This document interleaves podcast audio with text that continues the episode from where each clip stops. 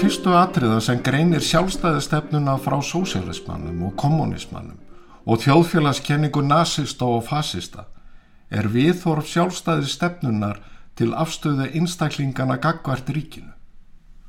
Allir ættu að geta verið sammála um að þjóðfélagið sé sjálfu sér ekkert takmark, heldur aðeins meðal til þess að ná því takmarki sem sjálfur einstaklingarnir stefna að, en það er sem mest og best hagsalt og farsalt, þroski og þróun hvers og eins einstaklings. Af þessu dregur sjálfstæðistefnan þá niðurstöðu að þjóðfélagið sé til fyrir einstaklingana en einstaklingarnir ekki til fyrir það. Þjóðskipulagið á sangant þessu að vera til þess að lifta hverjum og einum en má ekki verða til þess að kæfa einstaklingana. Komiði sæl, ég heiti Óli Björn Kárásson og þetta er hlaðvars þáttur minn sem er alltaf til hægri. Ég byrjaði á því að vitna í ræðu sem Jóhann Hafstein fyrir um fósatissar á þeirra, ráð þeirra, varaformaður og formaður sjálfstæðisflokksins hjælt á fundi heimdallar árið 1939. Þá voru rétt um tíu ár liðin frá því að sjálfstæðisblokkurinn var stofnaður. Ástæði þess að ég rifja þessi orðu upp er að svona í aðdraðanda kostninga þá finnst mér nöðsilegt að við sem verjumst fyrir frelsi einstaklingsins, fyrir líðræðinu, fyrir jöfnum rétti einstaklingana, fyrir jöfnum lífsmöguleikum allra, áttum okkur á því úr hvaða jarðvegi hugmyndir okkar eru sprotnar. Í þessari ræðu fjallaði Jóhann meðal annars um líðræðið. Benda á að mikil og markáttuð átök hafi átt sér stað og eigi sér stað um líðræðið og afstöðuna til þess. En flestum eigi að vera ljós megin rauk líðræðisins sem byggja á jafnbrettis hugssjónunni. Það er, í fyrsta lagi, afnámi allra sérréttinda sem bundin eru við aðal, nabbætur, fjármagn og annað slíkt og tvö, jöfnum lífsmöguleikum og þrjú, hlutvarslega jöfnum áhrifum á þjóðfélagsmálefni með almennum kostningarétti.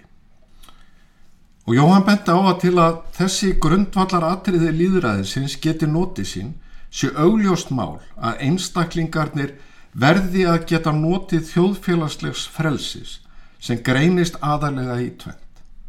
Atapnafrelsi og skoðanafrelsi sem aftur skiptist í rítfrelsi og málfrelsi samfara fundafrelsi. Og Jóhann hjælt áfram og sagði það þarf nú ekki við sína hugsun til að sjá að emmitt þar sem hlúð er að persónuleika og sjálfstæði einstaklingana hlýtur jarðvegurinn að vera frjósamur fyrir líðræði. Í slíkum jarðvegi getur hvorki innræði inn í óbeldiskent flokksræði festarætur. Og Jóhann hjælt áfram, hugsum okkur, þann reygin mun sjálfstæðir stefnunar og sósialismans varðandi afstöðuna til líðræðisins sem aðeins fælst í því að sjálfstæðir stefnan kappkostar að styrkja og ebla þroska og frelsi einstaklingana en sósialismin hefur heldina til skíjana og kostnað sér eðlis einstaklingana. Í fyrra tilfellinu eru ráð og aðtapnir þjóðfélagsins viðgrend í höndum hinn að mörgu einstaklinga en í síðara tilfellinu eru ráð og aðtapnir saman dregin í æþrengri miðdebil hins ofinbera valds sem er í höndum fára útvalina ráðamanna. Frelsi einstaklingana er skert og þroska möguleikarnir rýrðir með því að draga úr persónu gildinu. Jóhann Hafstein benti á að sjálfstæði stefnan vilji grundvalla efnagastar sem er þjóðfélagsins á eignarétti einstaklingana. í atvinnulífinu hafi átökin verið einna hörðust milli hinna mismunandi stjórnmálakenninga, sjálfstæðistefnan, sé boðberi einstaklýsingjunar, séregna skipulagsins, gagstætt sameiningar eða samegnarstefnu kommunismans og sósialismans og framsóknarflokksins að verulegu leiti. Hann saði, sjálfstæðistefnan byggir á því að ávinningsvon einstaklingsins sé hyrningarsteinn atvinnulífsins, að ávinningsvoning sé fyrsti, heilbreyðasti og besti aflgjafi til framkvæmda og framtakssemi, til atorku og aukinar framlegslu. Von einstaklingarna til ávinnings, til aukins ávinnings fyrir sig og sína, konu og börn, fyrir heimilið sem hver og einn óskar að byggja sem tröstast og fegust, slík ávinningsvon er það eðlilega, mannlega og meðfætta afl sem öllu öðru fremur getur orðið til þess að leysa úr læðingi þann skapandi mátt sem í hverjum lifandi manni er falin. Þegar þjóðfélagið er svift þessum aflgjafa þá hrínur efnahagstar sem er þess fyrr en síðar í rústir. Og Jóhann held áfram. Spyrjið sósélista eða kommunista að því hvernig þeir hafi hugsað sér að byggja upp efnahagstar sem er hins sóséliska ríkis og þau muni sjá að þeim vest tunga um tönn. Því að uppbyggingin mun reka sig á arðskiptiskenningar þeirra. Þegar allir eiga að bera jamt úr bítum, hver verður þá til þess að taka sig fram um það að leggja til þá ósér hlýpni, þá sérstöku framtagsem og atorku sem er undirstaða allarar arðsköpunar. Það er sem sagt þannig að rauði þráðurinn í allri hugmyndafræði sjálfstæðisflokksins, allt frá upphafi, er sjálfstæði einstaklingsins, atafnað frelsi hans, varstaða um eignaréttin og svo framvegis. Að ríkið sé til fyrir borgarana og starfi í þeirra þáu. Eitt þeirra sem lagði þunglóð á vogarskálar hugmyndabaróttu sjálfstæðisflokksins var Birgir Kjaran hagfræðingur, rítumundur, alþingismadur og brautriðjandi í náttúruvend. Ég lefi mér raunar að fullir það að Birgir hafi fyrstur íslenskara stjórnmála manna, hafið baróttu skipulega fyrir náttúruvend og mótað pólitíska stefnu þar um. Hann vekaði mitt í rítgerð sem byrtist í tveimur heftum stefnis 1958 að egnar réttinum sem hann taldi vera einna frum réttindum mannsins alveg eins og rétturinn til frelsis og jafnbrettis en er þessi réttur mannsins eðlilegur og þjóðfélaginu hagstaður saði Birgir. Egnar vonin leiðir til sparnar og sparnar til fjárfestingar og fjármyndunar sem hefur svo í förmið sér aukna framleiðslu og vaksandi velmegun. Birgir saði trúin á að sjálfsi höndin höllust og hver sinna gæfu smiður hefur nokkuð langa reynslað baki sér og svo saga er málskjál sem færir óengjatni sönnur á nefndar staðhafingar. Á tímabili atvinnufrelsis og frjálsarar samkeppni hafa orðið stórstígar framfærair í þróun mannlegs samfélags og hagur manna orði bestur og jafn bestur og of mikill í ríkis í hlutun um aturrækstur hefur alltaf fyrr eða síðar fyllt afturkipur í öllum framförum, stöðnun, vestnandi lífskjör og oft sinnis hlutarækni og spilling en það hafa slík efnahagskerfi sjaldan orði langlif. Augljós vottur um þetta er að þau land sem nú búa við frjálst efnahags hagkjærfi bjóða þegnum sínum bestu lífskjörin en aftur á móti eru lífskjörin lökust í þeim löndum sem mest hafa ofinber afskipti af öllum atvinnur ekstri.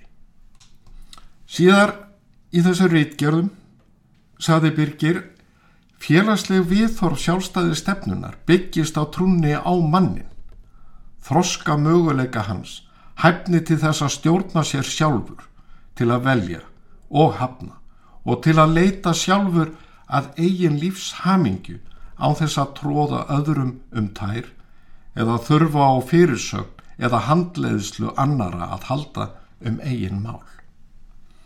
Í krafti trúarinnar á mannin telja sjálfstæðismenn að einstaklingurinn skuli njóta mannhelgi og frum réttur hans sé frelsi, andlegt frelsi og efnahagslegt frelsi.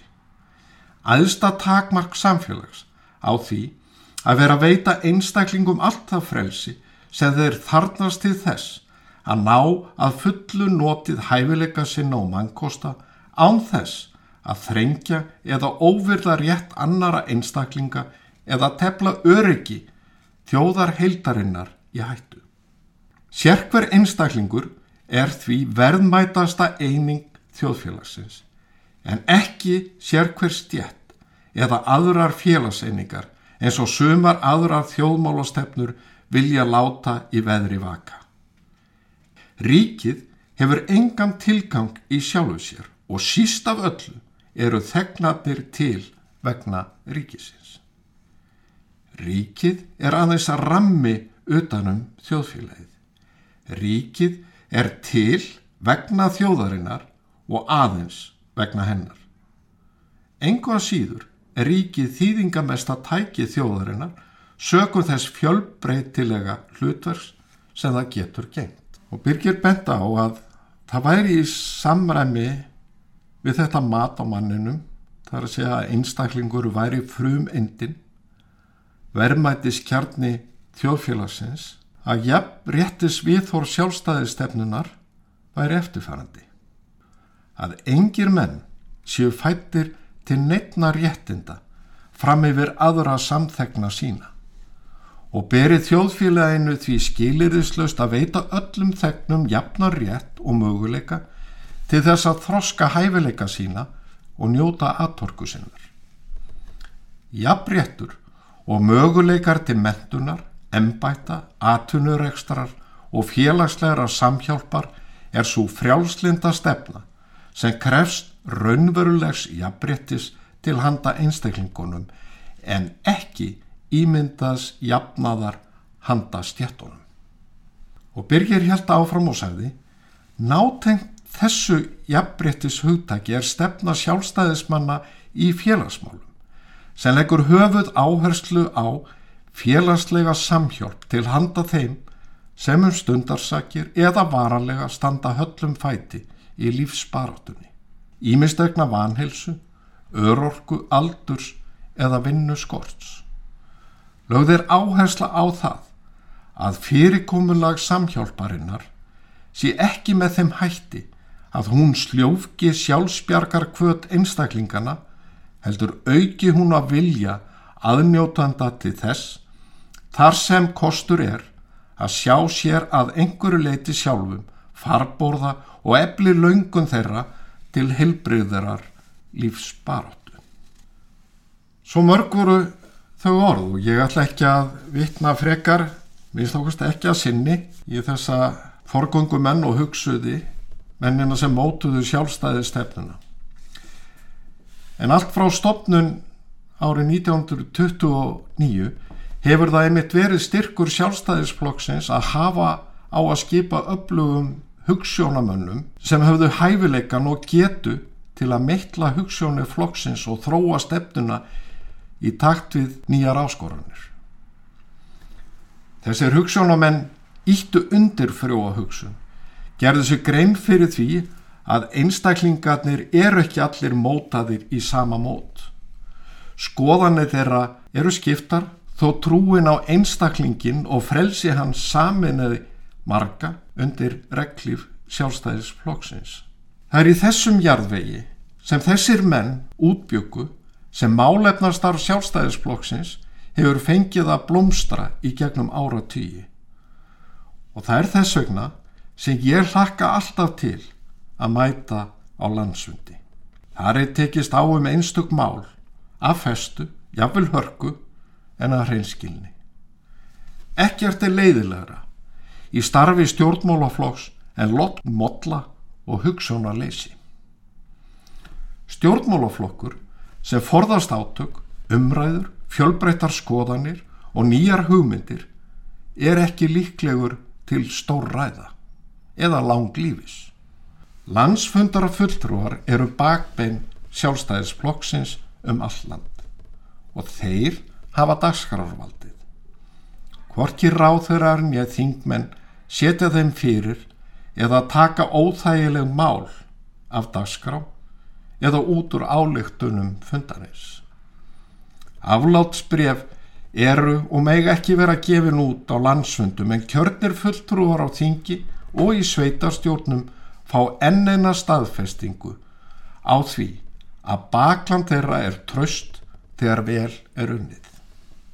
Bjarni Benditsson eldri, fyrir um formaður og fósættisar á þeirra, var samverður um að andi frelsis, jafnbrettis og líðræðis sé Íslendingum í blóðbóri.